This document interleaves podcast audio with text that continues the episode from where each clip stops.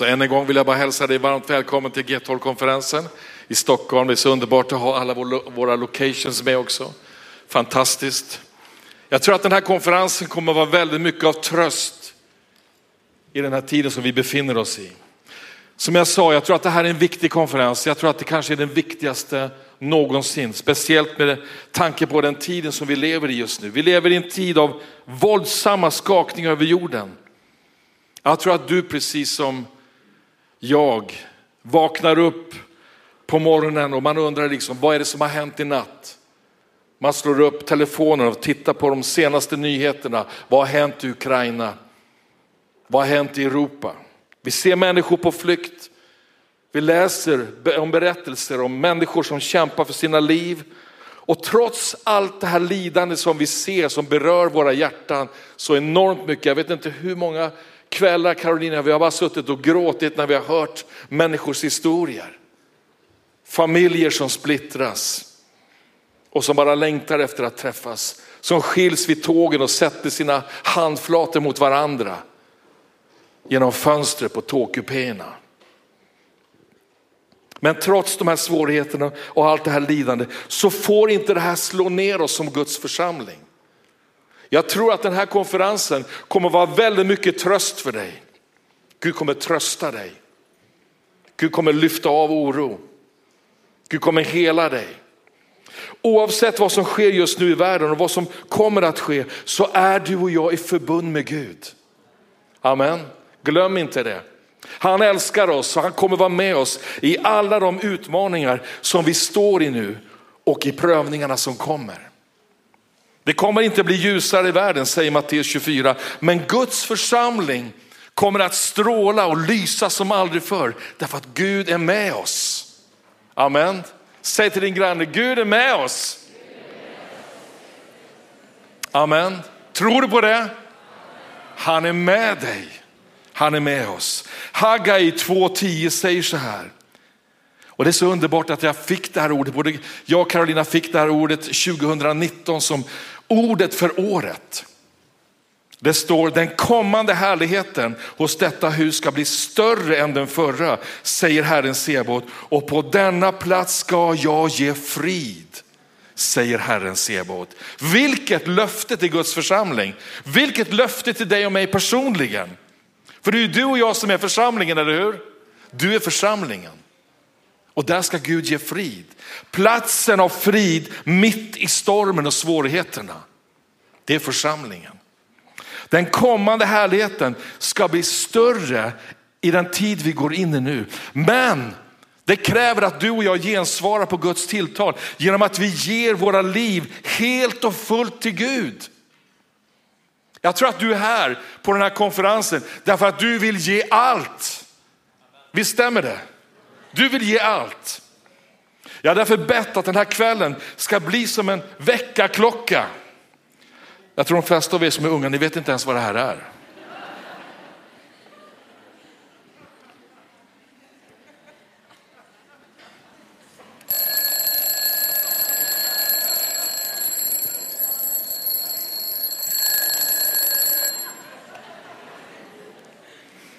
Jag tror att du har den tonen på din mobil. Jag tror aldrig du har sett en sån här. Eller hur? Så här såg det ut när jag var liten. Och det var på järnåldern. Jag har bett till Gud den här kvällen, eller för den här kvällen, att den ska bli som en väckarklocka för både dig och mig. Att Gud ska väcka våra hjärtan för vad Gud verkligen vill göra med våra liv i den här tiden. Gud har en plan för dig. Gud vill att du ska leva i den planen. Jag vet inte om någon av er äger en väckarklocka, troligtvis inte.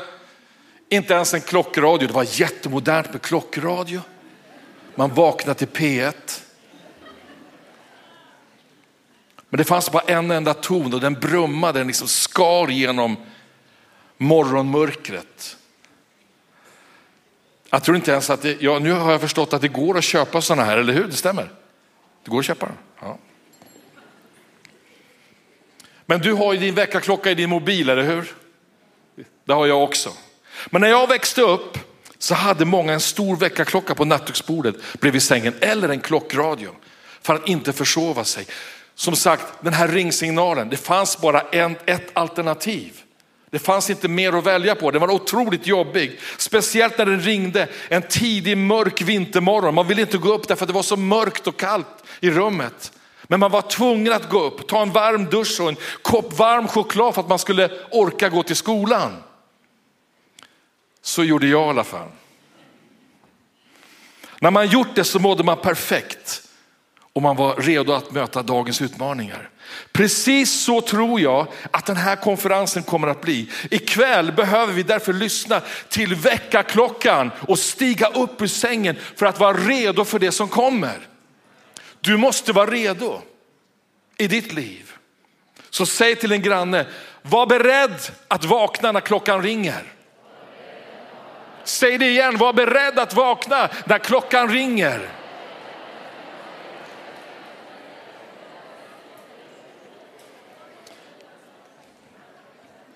Om du har din bibel med dig, kan, ni som har biblar med er, kan ni räcka upp en hand? Inte mobiler. Några stycken faktiskt, underbart. Alla ni som har mobiler, en bibel är underbart, prisat vare Gud. Slå upp Apostlagärningarna kapitel 20, vi ska läsa från vers 7 till vers 12. Apostlagärningarna 20, vers 7 till vers 12. Den första dagen efter sabbaten var vi samlade för att bryta brödet.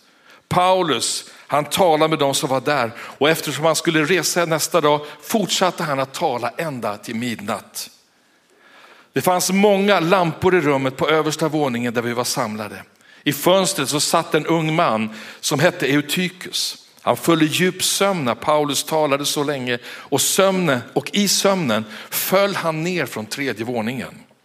När man lyfte upp honom så var han död. Paulus gick då ner, böjde sig över honom och tog honom i sina armar och sa, var inte oroliga, hans själ är kvar. Därefter gick Paulus upp igen och bröt brödet och åt. Han fortsatte att tala länge ända till gryningen och gick sedan vidare. De förde hem den unge mannen levande och de blev uppmuntrade. Prisat vare Gud. Tack Jesus. Jag vet inte om du brukar somna i kyrkan. Min förra pastor, han brukar säga att det var bättre att komma till kyrkan om man var trött på söndagen än att stanna hemma. Och han skrattade ofta och sa det att, att det var bättre att sova i kyrkan än hemma om man nödvändigtvis skulle sova.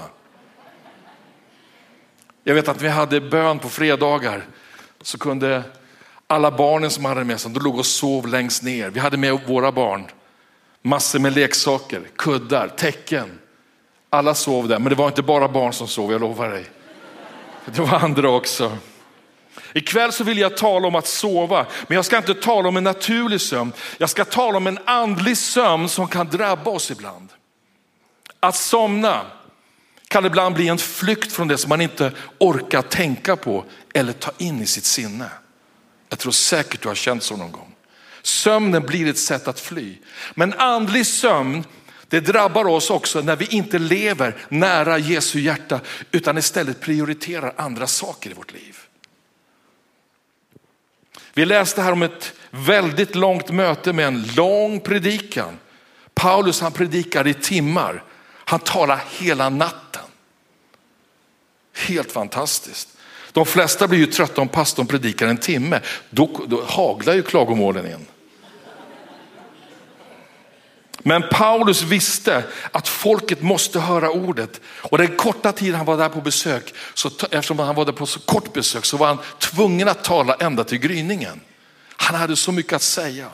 I fönstret så satt den här unga mannen som hette Eutykus, han satt och lyssnade. Många i församlingen är precis som den här sovande Eutykus. Han var intresserad och lyssnade, men han somnade. Många gör inte det som Gud har kallat dem att göra. De lever inte ut sin fulla potential. De håller med om allt som predikas och tycker det är bra. Men sen vänder de på kudden och så somnar de om. En människa som sover i sitt hjärta kan inte utföra sin kallelse. Många kristna sitter tyvärr i fönstret och sover. Många kommer till kyrkan och kanske till och med går i en wow-grupp och en bönegrupp en gång i veckan. De lyssnar på predikningar, de hör Guds ord, ibland i åratal. Men tyvärr så är det inte självklart för att man för den sakens skull brinner för det som eh, men det är inte självklart att man för den sakens skull brinner för det som ligger på Guds hjärta. Det är inte självklart. Älskade vän som har kommit till den här konferensen och till alla som är med oss via nätet. Det här är en väckelsekonferens. Därför Gud vill väcka sitt folk. Den här konferensen är en väckarklocka till Guds folk. Gud vill väcka oss, han vill väcka dig, han vill väcka mig. Det här är tre dagar då Gud vill väcka oss, han vill uppväcka vår ande på nytt och låta oss förstå varför vi lever just nu. Du kanske har ställt dig den frågan själv. Varför skulle jag födas in i den här svåra tiden när hotet från andra länder kommer så nära? Varför skulle jag vara det? Det finns ett syfte med för att du är här just nu i den här tiden. Jag tror att du har kommit till den här konferensen eller sitter i ditt hem och är med på den här konferensen därför att du vill vara andligt vaken. Du vill höra vad anden säger till församlingen. Du har förstått att du behöver Gud mer än någonsin. Hur många är det som har förstått det? Jag tror att vi alla har gjort det. Du har förstått att du behöver Gud mer än någonsin, att det är tid att vakna och göra det som Gud har bett dig om. Kanske har han gjort det i många år, men du känner att nu är det dags. Guds kallelse vilar nämligen på ditt liv. Den ligger där över ditt hjärta och väntar på att du ska vakna och göra det som Gud har lagt på ditt liv. När vi talar om kallelsen så måste vi förstå att vi alla är kallade att vara lärjungar till Jesus. En lärjunge, vad är det? Jo, det är en efterföljare till Jesus. En lärjunge är en människa som går bakom sin mästare och gör precis allt det han gör och lyder hans ord. Det är en lärjunge. Vi som lärjungar, vi är också kallade att vara väktare som vakar i anden och vet vad Gud säger och gör i den här tiden. Förr i tiden så satte man väktare på muren runt en stad för att man skulle varna folket när faran kom nära. Gud kallade sina tjänare profeter för väktare i gamla testamentet. Du min vän, du är en väktare. Låt oss se vad Gud sa till sina väktare. Du kan slå upp Hesekiel 33.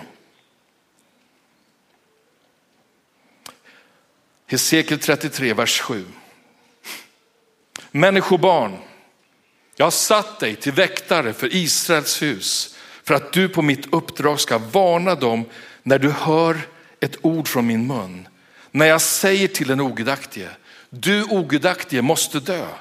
Och du, och du då inte varnar honom för den väg han går så ska den ogudaktige dö genom sin missgärning men hans blod ska utkrävas ur din hand. Men om du varnar den ogudaktige för den väg han går för att han ska vända om från den och han ändå inte vänder om från sin väg, då ska han dö genom sin missgärning. Men du själv har räddat ditt liv.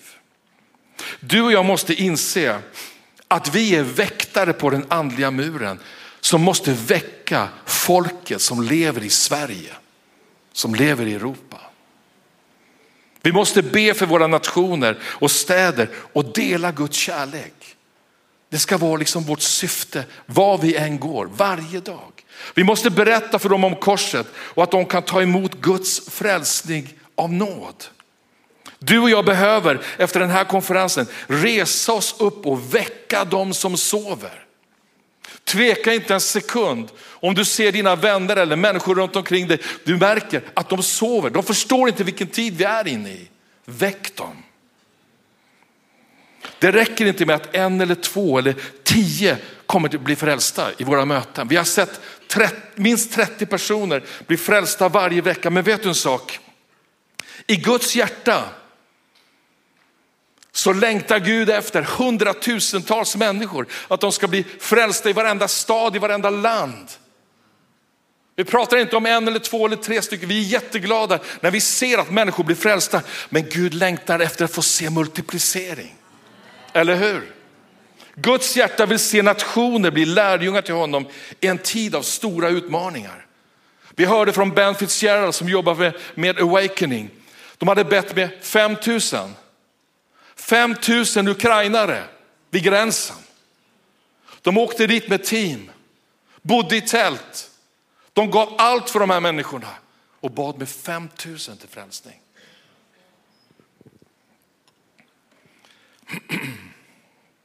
Nu är tiden inne att alla vi som verkligen vill följa Jesus överlåter våra liv ännu mer till honom. Det är ett wake up call den här helgen. Den här helgen, det är ett altare av överlåtelse. Jag vet inte vad du ser, men jag ser ett altare av överlåtelse. Som jag talade med en, en av våra medarbetare, en av våra pastorer som sa, det är en helt ny tid som kommer starta från och med den här konferensens slut.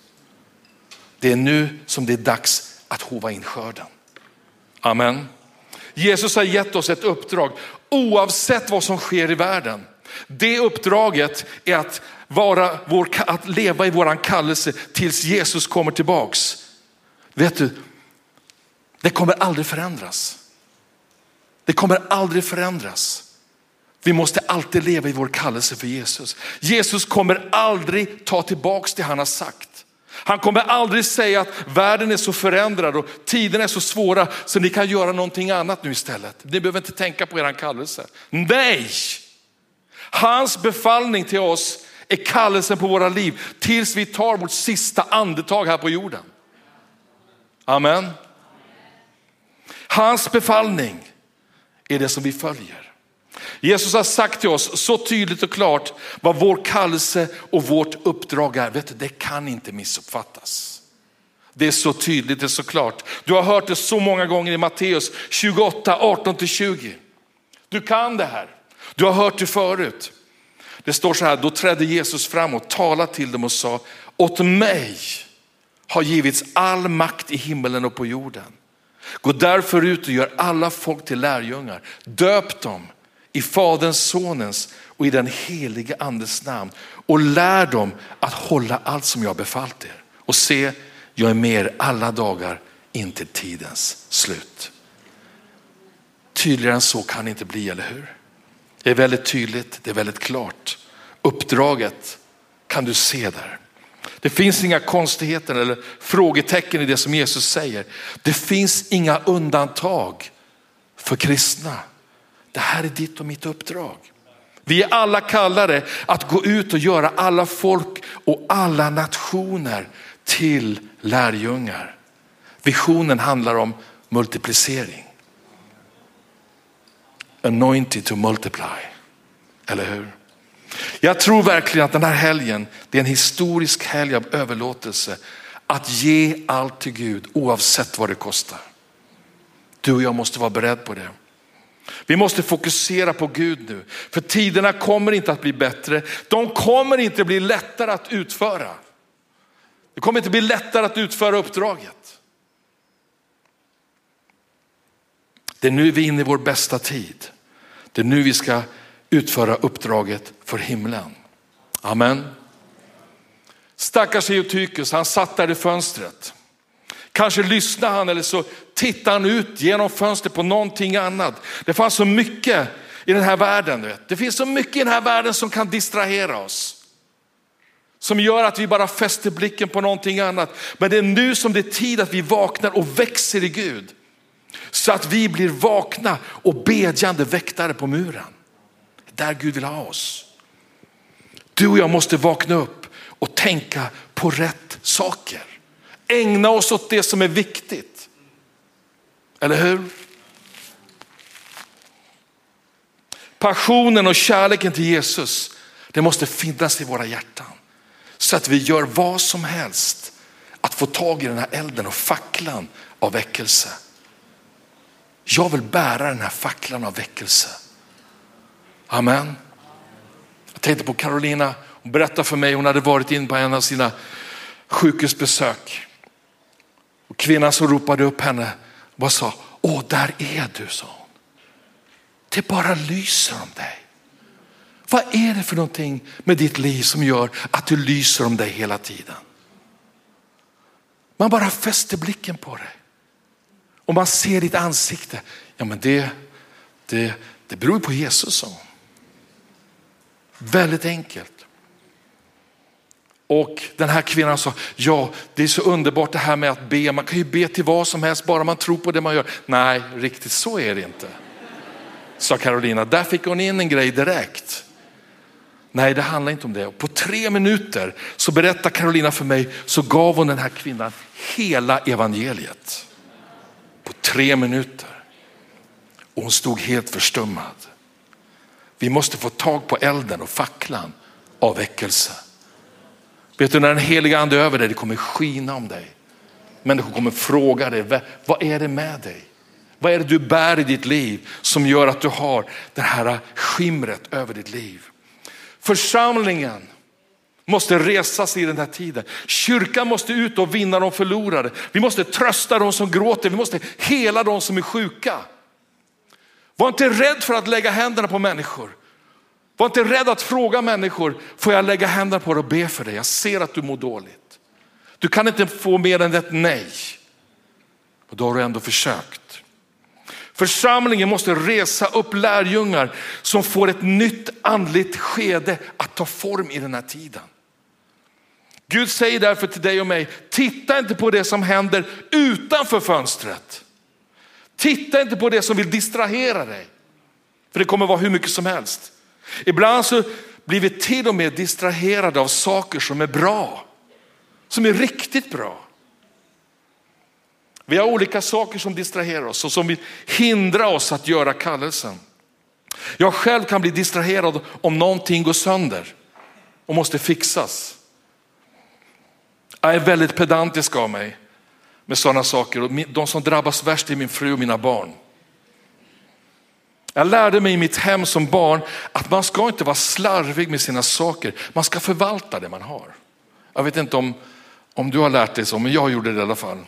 Jag växte upp i ett väldigt enkelt litet hem där man inte slängde saker som man faktiskt kunde återanvända. Man var noggrann med allt. Allt skulle man sköta om, allt skulle man vara rädd om. Man skulle förvalta det man ägde.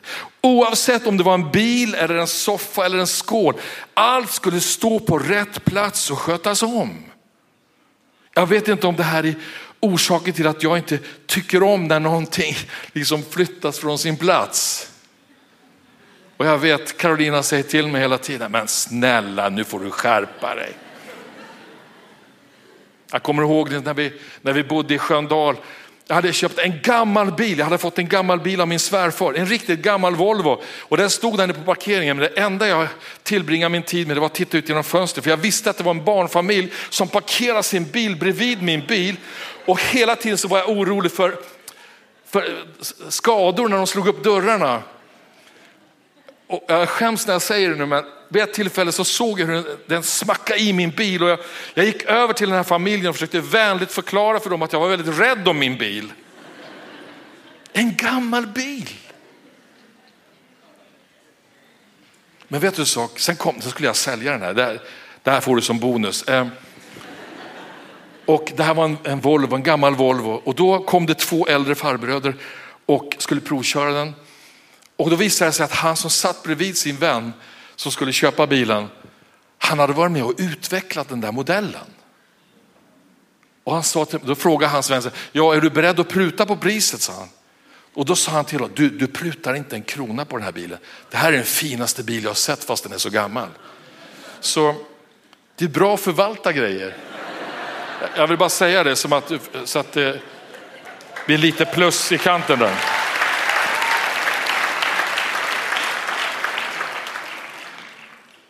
Jag är sådär, liksom, jag vill lösa problemet på en gång. Jag tror att det finns säkert flera här som nu, alltså allt annat som man håller på med, det bara släpper man. Nu ska det ordnas på en gång. Carolina visste det när vi när hon skulle få hem mig snabbt, jag var ute och jobbade, så kunde hon ringa och säga att det är något fel på tvättmaskinen. Jag gjorde en U-sväng direkt. Så var jag hemma. var det bästa sättet att få mig att komma hem snabbt. Det var att säga att någonting var trasigt. Men vet du, sådana här saker, praktiska saker, kan komma före Gud. Det är som att titta ut genom fönstret och vi somnar rent andligt. Därför vi har vårt fokus på så mycket annat. Det är som att titta ut genom fönstret på någonting praktiskt som måste fixas. Om det blir mitt fokus, då kommer mitt andliga hjärta, andliga hjärta att somna. Och vi måste akta oss för det. Vad är det som distraherar dig? Det kan vara relationer eller andra upplevelser som du prioriterar före att stilla dig inför Gud och söka hans ansikte. Det kan vara timmar i mobilen, mobilberoende, sociala medier. Det kan vara praktiska saker eller negativa tankar och känslor som du inte har stängt dörren till. Som upptar din tid. Det kan vara helt andra saker också. Det kan vara saker du är medveten om som binder dig till ett liv i synd. Du ser på det som dina ögon inte ska se på. Och du låter din mun säga saker som bedrövar Gud. Du tillåter ditt hjärta att ha oförlåtelse, bitterhet eller avundsjuka. Du tycker att du är ensam och det finns ingen som förstår dig. Det kan vara olika saker som plågar olika människors liv. Allt det här kan ta ditt fokus bort ifrån det som Gud vill göra i ditt liv. Bort från kallelsen som gör att du somnar andligt. Det är andliga argument som ger mörkret tillträde till våra liv. Det gör att vi inte kan leva och vandra i seger som Jesus har vunnit för oss genom sitt blod. Den här konferensen, det är en tid, en konferens då vi ska vakna upp. Det är en konferens då väckarklockan ringer starkt i ditt hjärta. Men du drar inte täcket över huvudet den här gången utan reser dig upp och låter Jesu blod bli ditt hjärtas och din själs renande dusch. Amen. Den helg då din far i himlen ger dig en kopp varm choklad och säger, att, säger till att gå ut i den mörka morgondimman för att bara stråla av hans kärlek till den här världen. Det är inte en helg då du ska känna skuld. Gud vill lyfta av det. Det är en helg att komma rätt i livet. Det är en konferens att ödmjuka sig inför Gud. Att vända blicken mot Gud istället för ut genom fönstret som Eutykus gjorde. Det här är en helg då Gud vill tala till dig personligt därför att han älskar dig. Och ingenting annat. Det är bara hans kärlek till dig. Du är hans älskade barn. Han vill förlåta. Han vill förlåta dig, han vill hela dig, han vill upprätta dig på varenda område av ditt liv. Du är, lyssna nu, du är hans dyrbara egendom därför att du är köpt med Jesu blod. Får inte glömma det. Den här helgen kan vi därför, var och en av oss, från den yngsta till den äldsta, överlåta oss på nytt. Vill du det? Vill du överlåta dig? Jag är så otroligt tacksam att våra wow-pastorer är här från olika delar av Sverige och Spanien. De är här därför att de vände blicken bort från det som hände utanför. De vände bort blicken från det som hände utanför fönstret och istället så riktar de sin blick mot Guds vision för sitt liv. Jag beundrar dem. Det modet de har. De hade kunnat sitta kvar på samma plats och titta ut genom fönstret. Men vet du vad de gjorde? De gick ner på sina knän, sökte Guds plan med sina liv. Idag så kommer de med en underbar frukt av lärjungar från sina städer. Har det varit lätt för dem? Nej, absolut inte. Kommer det, for, kommer det fortsättningsvis vara lätt för dem? Nej, absolut inte. Det kommer vara utmaningar på vägen. Men vet du, de har fattat ett beslut att inte somna på vägen. Du skulle lyssna till dem. Och du kommer få höra en av dem imorgon, Jakob Källström, pastorn i Södertälje. De har valt att sätta all sin tro på Gud. Tänk när vi åkte ner till Malmö med José och Helena och deras tvillingar. Och det var snöstorm. Vi åkte med sista planet. Vi hyrde en buss. För vi skulle ha en stor barnvagn, en sån här tvillingsulke. Och och vi bytte blöjor när snön liksom bara yrde in genom dörrarna på bilen. Vi stod och bytte blöja på de här tvillingarna. Alltså de, normalt sett så, mänskligt sett hade man ju tackat nej till kallelsen. I alla fall då. Men det var precis då de bestämde sig, det här vi ska vara. Det här vi ska vara. Många vill gå ut och tjäna Gud, men de förstår inte vad som krävs. De tittar ut genom fönstret istället för att förstå vad som pågår i rummet. De kanske drömmer om frukt, men de sår ingen säd så att frukten kan komma. De anstränger sig inte genom att gå ut och dela Guds kärlek till de som inte känner Gud. En del vill kanske åka till andra platser, men allting börjar här. Det börjar med vår överlåtelse. Det här det börjar. Jesus sa till sina lärjungar att de skulle börja vittna i Jerusalem och sen så skulle de gå till Samarien och så vidare ut till världens hörn. Gud har fört dig till den här platsen för att blåsa liv i dig så att du kan gå ut och multiplicera dig just där han har ställt dig. Börja därför där du är innan du kan ta dig an större saker i ditt liv. Gud vill se ditt trofasta hjärta i det lilla och jag lovar dig, han kommer sätta dig över större saker. Vi lever i en tid som jag sa i extremt mycket press, men Jesus gick till korset. Han offrade sitt eget blod så att vi kan göra det vi är kallade till i den här tiden. När det blir mörkare i världen så är det en frestelse att somna, men den här helgen så vill Gud väcka oss till liv så att vi är redo för det som kommer. Amen. Det här landet ska bli frälst. Spanien ska bli frälst. Amen. Halleluja. Vad står det i Matteus 26? Jag läser från vers 36. Sedan gick Jesus med dem till en plats som kallas Getsemane och han sa till lärjungarna, sätt er här medan jag går dit bort och ber. Han tog med sig Petrus och Sebedeus båda söner och han greps av sorg och ångest och sa till dem, min själ är djupt bedrövad ända till döds. Stanna här och vaka med mig. Han gick lite längre fram, föll ner på sitt ansikte och bad, min far om det är möjligt så låt den här bägaren gå förbi mig. Men inte som jag vill utan som du vill. Han kom tillbaks till lärjungarna och fann att de sov. Och då sa han till Petrus, så ni kunde inte vaka en enda timme med mig. Vaka och be så att ni inte kommer i frestelse. Anden är villig, men köttet är svagt. Sedan gick han bort för andra gången och bad, min far om det kan gå förbi mig utan att jag måste dricka det så ske din vilja. Han kom tillbaks och fann återigen att de sov för deras ögon var tunga av sömn. Då lämnade han dem och gick åter bort och bad för tredje gången med samma ord igen. Sedan gick han till lärjungarna och sa till dem, sover ni fortfarande och vilar er? Nu är stunden här då människosonen utlämnas i syndares händer. Res på er, nu går vi. Han som förråder mig är här. Lärjungarna, de orkade inte hålla sig vakna, kanske i deras viktigaste stund i livet. Därför var de inte förberedda för det som kom. De älskade Jesus, de ville vara med honom, men de orkade inte med det tryck som var förlöst emot dem. Jesus själv stod framför dem. Han uppmanade dem att inte somna utan att vaka och be. Men ändå var deras ögon så tunga. Han sa att deras ande var villig men att deras kött var svagt.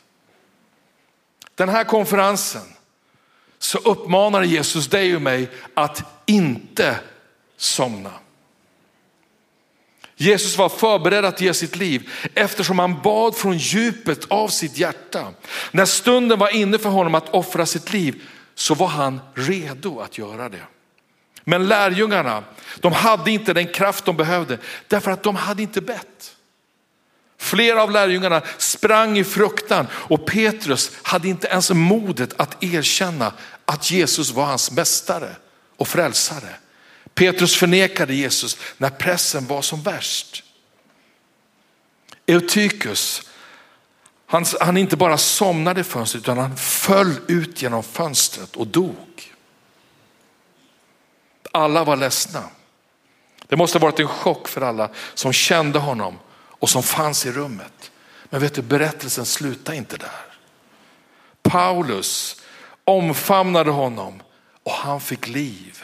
Och det här är precis vad Gud vill göra med dig på den här konferensen. Kanske har du kommit hit den här kvällen och du känner dig andligt död. Så långt bort från Gud man kan komma. Då är den här konferensen för dig. Vi har bett att den här konferensen ska var precis som att himlen omfamnar dig. Precis som Paulus gjorde med Eutychus och livet kom tillbaks. Gud vill ge livet tillbaks till dig. Det kanske känns som allt är dött, men Jesus vill ge dig nytt liv. När du får ett ord från Gud så är det samma sak som att han omfamnar dig och ger dig liv. Jesu blod ska rena dig, hela dig. Han ska resa upp dig igen. Du ska kunna gå härifrån med upprest huvud och bara veta i ditt hjärta att du vet att du vet att du är ett Guds barn. Du är hans lärjunge. Precis som Eutychus så ska din ande, själ och kropp få liv på nytt. Amen. Prisat vare Gud.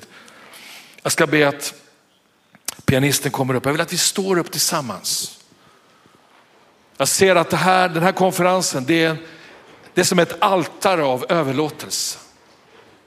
Det här det börjar för resten av den här helgen. Gud vill göra ett djupt verk i ditt liv. Han vill förvandla dig.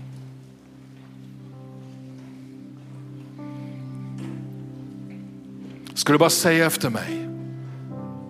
Jag ska inte somna. Eller se ut genom fönstret. Gud ska ge mig nytt liv. Jag lever för att ge liv till andra som är andligt döda. Jag ska ge mitt bästa för den vision som Gud gett till sin församling. Jag ska arbeta helhjärtat för att nå min stad. Jag ska ta hand om de får som Gud ger mig och leda dem in i församlingen så att de kan få beskydd och växa i sin tro. Jag ska bära in skörden. Amen. Tror du på det? Halleluja. Lyssna. Amen. Ge Jesus en applåd. Bara tacka Jesus. Bara prisa honom. Det här är ett statement som du har gjort den här kvällen. Det är ett statement till anden. Lyssna på Romarbrevet 13 medan du står upp nu. Vers 11. Gör detta och tänk på tiden. Att det är dags för er att vakna upp ur sömnen. Frälsningen är oss närmare nu än när vi kom till tro. Natten går mot sitt slut och dagen är nära. Låt oss därför lägga bort mörkrets gärningar och ta på oss ljusets vapenröstning. Amen. Det är dags att kliva ur mörkret och in i ljuset. Låt oss bara be en stund. Låt oss bara be här och bara överlåta oss till Gud. Där du står, bara utgjut ditt hjärta inför Gud. Bara utgjut ditt hjärta i ödmjukhet. Be honom om förlåtelse. För varenda sak i ditt liv som har orsakat, orsakat sömnaktighet. Allt som du känner till. Och jag tror att just nu så talar också Gud till flera av er om saker i ditt liv som du har förträngt. Som du inte ens har tänkt på. Men Gud gör ett djupt verk i dig just nu. Så bara använd en liten stund och bara utgjut ditt hjärta. Överlåt dig på ett ödmjukt sätt inför Gud och säg Fader förlåt mig. Förlåt mig för det som har gjort att jag har somnat. Det jag har fokuserat på i mitt liv. Som har gjort att jag har tappat den första kärleken. Jag har förlorat blicken på dig. Bara tala till honom. Bara utgjut ditt hjärta. Bara säg till honom. Säg till honom. Be om nåd, be om förlåtelse. För allt det som den heliga ande bara visar dig nu. Bara be om nåd, be om förlåtelse. Åh Jesus, Tack Fader för att du ser allting just nu Fader. Tack Herre för att du bara visar människor. Du bara uppenbarar just nu Fader saker i människors liv som har tagit så mycket av deras tid. Som har uppehållit dem Fader. Som har gjort att de inte haft en klar och tydlig blick. De har inte hört fullt och helt vad deras kallelse är Fader.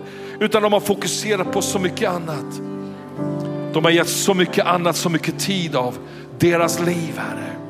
Helige Ande, det här är en kväll då du skapar karaktär i varje människas hjärta Fader. Jag tackar dig Fader för att du vet, du vet vilka det är Fader som ger så mycket tid Fader i relationer på nätet, sociala medier Fader. Som har fastnat i sin telefon och ägnar timmar varje vecka. I kraft av blodet Fader. Så bara lägger vi allt det här på överlåtelsealtaret Fader. Så att du kan få den första platsen i våra liv Herre. Älskade Fader i himmelen. Det här är en stund där du väcker våra hjärtan. Den här kvällen så ringer väckarklockan tydligt och klart in i varenda persons liv. Och i kraft av ditt blod Jesus så renar du Fader varje person som ödmjukt överlämnar sig på nytt till dig Fader och säger i sitt hjärta Fader förlåt mig, förlåt mig, förlåt mig att jag har gett min tid till så mycket annat eh, istället för att ge min tid till dig. Åh Jesus, du kommer Fader till varje ärligt hjärta just nu Fader. Du kommer till varje ärligt hjärta Fader. Det här är första, det här är begynnelsen på den här konferensen. För att du ska vara mottaglig för det som kommer. Gud vill göra dig mottaglig för det som kommer imorgon och på söndag. Gud vill tala in i ditt hjärta, men han vill inte ha en massa hinder i vägen. Så bara utgjut ditt hjärta till Gud. Säg, ta bort det här och det här och det här. Ge mig karaktär att skapa nya rutiner i mitt liv. Att inte mina mejl och mina sociala kontakter får den första, den första kärleken på morgonen. Utan att du får det och ditt ord får det Herre. Jesus, jag tackar dig Fader att det här är en stund Fader då vi bara överlåter våra liv på nytt Fader. Och du skär bort Fader. Du skär bort Fader det som inte behagar dig just nu. Du skär bort det därför att du älskar oss Fader. Obre sida mando corlo brekida. Sinda mando orle kaba sida mando kore. Hombre sida labrekida mandegeda. Ombre sida labrekeda. Ombre sida karla bakeda. Jag kan lova dig att om du gör den här utsvängen i ditt liv, du kommer få sånt spännande ett sånt intressant liv. Du kommer få sånt överväldigande liv.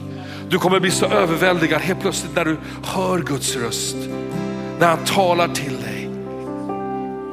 Och när du känner liksom att han vill umgås med dig. Han konverserar med dig. När du slår upp din bibel så helt plötsligt blir det uppenbarelse på uppenbarelse på uppenbarelse. Och helt plötsligt du som aldrig ens har skrivit ner en rad och du minns inte ens en predikan, du minns inte ens en lektion på bibelskolan. Men helt plötsligt så börjar det bli så tydligt och klart för dig. Jag måste skriva ner det han säger så att jag inte tappar det här. Nonchalansen försvinner. Nonchalansen försvinner.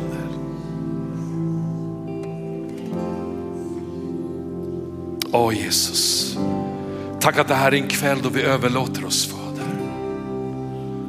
Tack att det här är en kväll Fader då vi överlämnar oss till dig Herre. Tack att det här är en kväll Fader då vi böjer våra hjärtan Fader. Vi böjer våra hjärtan Fader. Inför det faktum att utan dig Fader så har vi inget liv. Vi har inget liv. Vi har ingen evighet utan dig.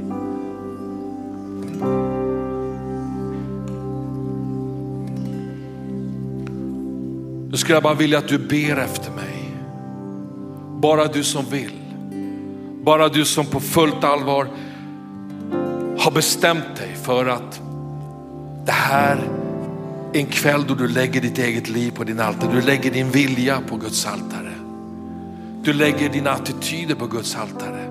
Du lägger din olydnad på Guds altare. Du lägger allt där, för allt som ska brännas upp, det ska brännas upp.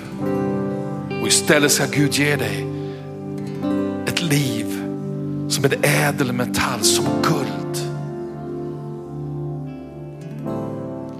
Om du bara ber mig efter mig, älskade Jesus. Jag kommer till dig den här kvällen. Tack att du älskar mig. Och du ger mig nåd den här kvällen. Idag ber jag dig om förlåtelse. För varje synd, tanke och handling som har fått mig att somna. Rena mig i ditt blod. Fyll mig med den helige andes kraft. Skapa i mig Gud ett rent hjärta.